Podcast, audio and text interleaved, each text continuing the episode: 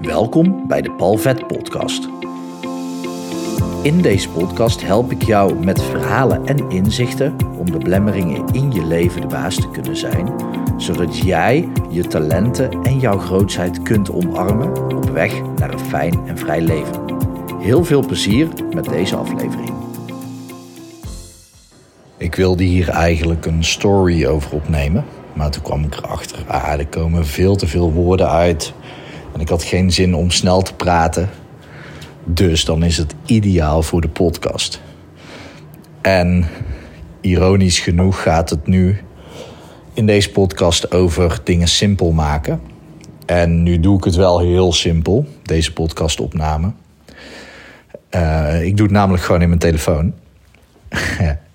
en waarom ik eraan moest denken was dat ik afgelopen week heb ik mijn werkkamer gepimpt. En dat zorgde ervoor dat ik wat vaker op mijn werkkamer aan het werk was in plaats van in de woonkamer. Maar dat zorgde ervoor dat ik opeens mezelf zag leuren met mijn microfoon en mijn toetsenbord en mijn muis. Uh, want als ik sessies online doe, dan, ja, dan heb ik een microfoon nodig.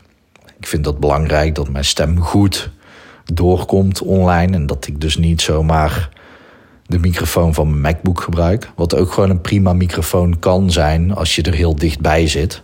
Maar van verder weg klinkt dat toch wat blikkeriger. En om iemand in hypnose te brengen is een goede stem is ook wel belangrijk. Laat ik het, laat ik het daar even op houden. En daarom heb ik dus een microfoon daarvoor. Maar als ik mijn podcast opneem, dan heb ik ook een microfoon nodig, omdat dan vind ik geluid ook belangrijk. En daarom zeg ik, het is een ironie, aangezien ik dit nu in mijn telefoon opneem. Maar als het goed is, gaat het ook best prima, omdat ik vrij rustig praat en de microfoon goed bij mijn mond houd. Maar wat interessant is, is dat ik het dus mezelf eigenlijk best wel moeilijk heb gemaakt om een podcast op te nemen. Er is een periode geweest dat ik elke dag een podcastaflevering opnam, of in ieder geval online zette. En toen had ik het dus mezelf heel makkelijk gemaakt door gewoon alleen die microfoon klaar te hebben staan. En als ik dan met mijn laptop daarnaast ging zitten, kon ik gewoon gaan spreken. En ik had een introotje. Dus dat was echt zo gepiept. Maar toen bedacht ik me, nou, maar als ik een podcast opneem, dan kan ik dat tegelijkertijd filmen. heb ik meteen een video. En toen bedacht ik me, ja, maar bij die video er moet wel een soort van thumbnail zitten om ervoor te zorgen dat mensen weten waar die video over gaat. En uiteindelijk ben ik dus het even makkelijk en simpel een podcast opnemen zo moeilijk gaan maken dat ik uiteindelijk stagneerde in het opnemen van de podcast, omdat ik er van alles voor moest doen om ook een video op te nemen. Nu ben ik dus de afgelopen tijd wat vaker weer aan het podcasten. En toen kwam ik dus dat gedoe tegen met de microfoon, dat ik daarmee liep te leuren, letterlijk. En ja, het stelt niks voor, maar toch het van boven moeten halen. Mijn werkkamer is op de eerste verdieping in mijn huis. Uh, of andersom, van beneden naar boven brengen. Uh, de trap op, trap af en met die spullen lopen. Dus het installeren van iets om een opname te maken, dat maakt het al een drempel om het te gaan doen. Nou, kan je natuurlijk zeggen, ja, het slaat nergens op. Wat feitelijk ook waar is, maar ik merkte dus wel een soort van belemmering op. En dat is wat mijn onbewuste doet. Want mijn onbewuste wil natuurlijk wel bepaalde dingen voor elkaar krijgen in het leven. Maar ja, het mag niet te veel moeite kosten. Want uiteindelijk gaat het er alleen maar om om te overleven. En dan wel op zo'n manier dat het weinig energie kost.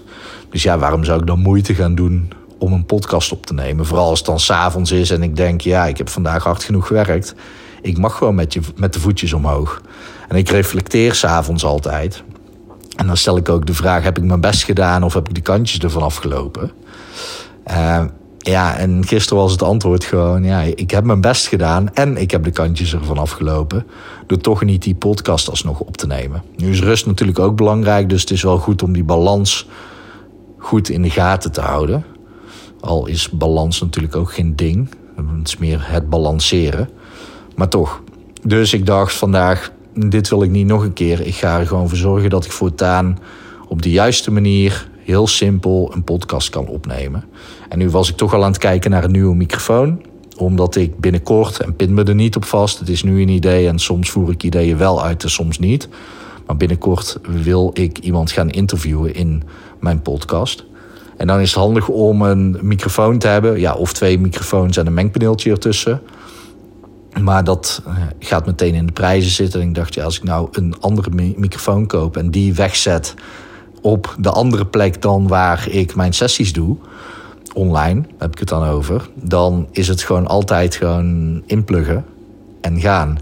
En toen dacht ik, oh ja, kak, maar als ik onderweg ben. En toevallig, maar die heb ik dus nog niet meegenomen vandaag. En toch neem ik deze podcast meteen op. Toevallig heb ik ook een PIN-microfoon die aan mijn telefoon gekoppeld kan worden. Zodat ik in mijn telefoon ook gewoon via de dictafoonfunctie iets goed kan opnemen met een goede podcastmicrofoon. En dat alles uh, terwijl geluid misschien niet eens het belangrijkste is voor een podcast. Want ik ken genoeg mensen die gewoon altijd een podcast inspreken op hun telefoon. Um, denk onder andere aan Ilko de Boer. Die doet dat bijvoorbeeld ook, maar ik ken nog veel meer mensen of met oortjes in. En het maakt echt vrij weinig uit, want het gaat om de waarde. Dus op het moment als iets je belemmert, dan kan je altijd denken: ja, is, is dan mindere kwaliteit niet uh, beter? Soms kan mindere kwaliteit beter zijn, want als je een podcast, een, ja, laat ik het zo zeggen, een podcast die is opgenomen in mindere kwaliteit is beter dan een podcast die niet is opgenomen. En dat geldt voor heel veel dingen in jouw leven.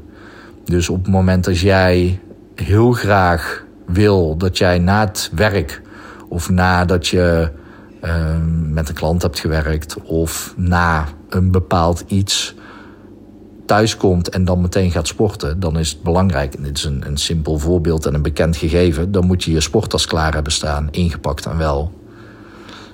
En ja, misschien is het zelfs handig om gewoon altijd een ingepakte sporttas klaar te hebben staan. Wat houdt dat in?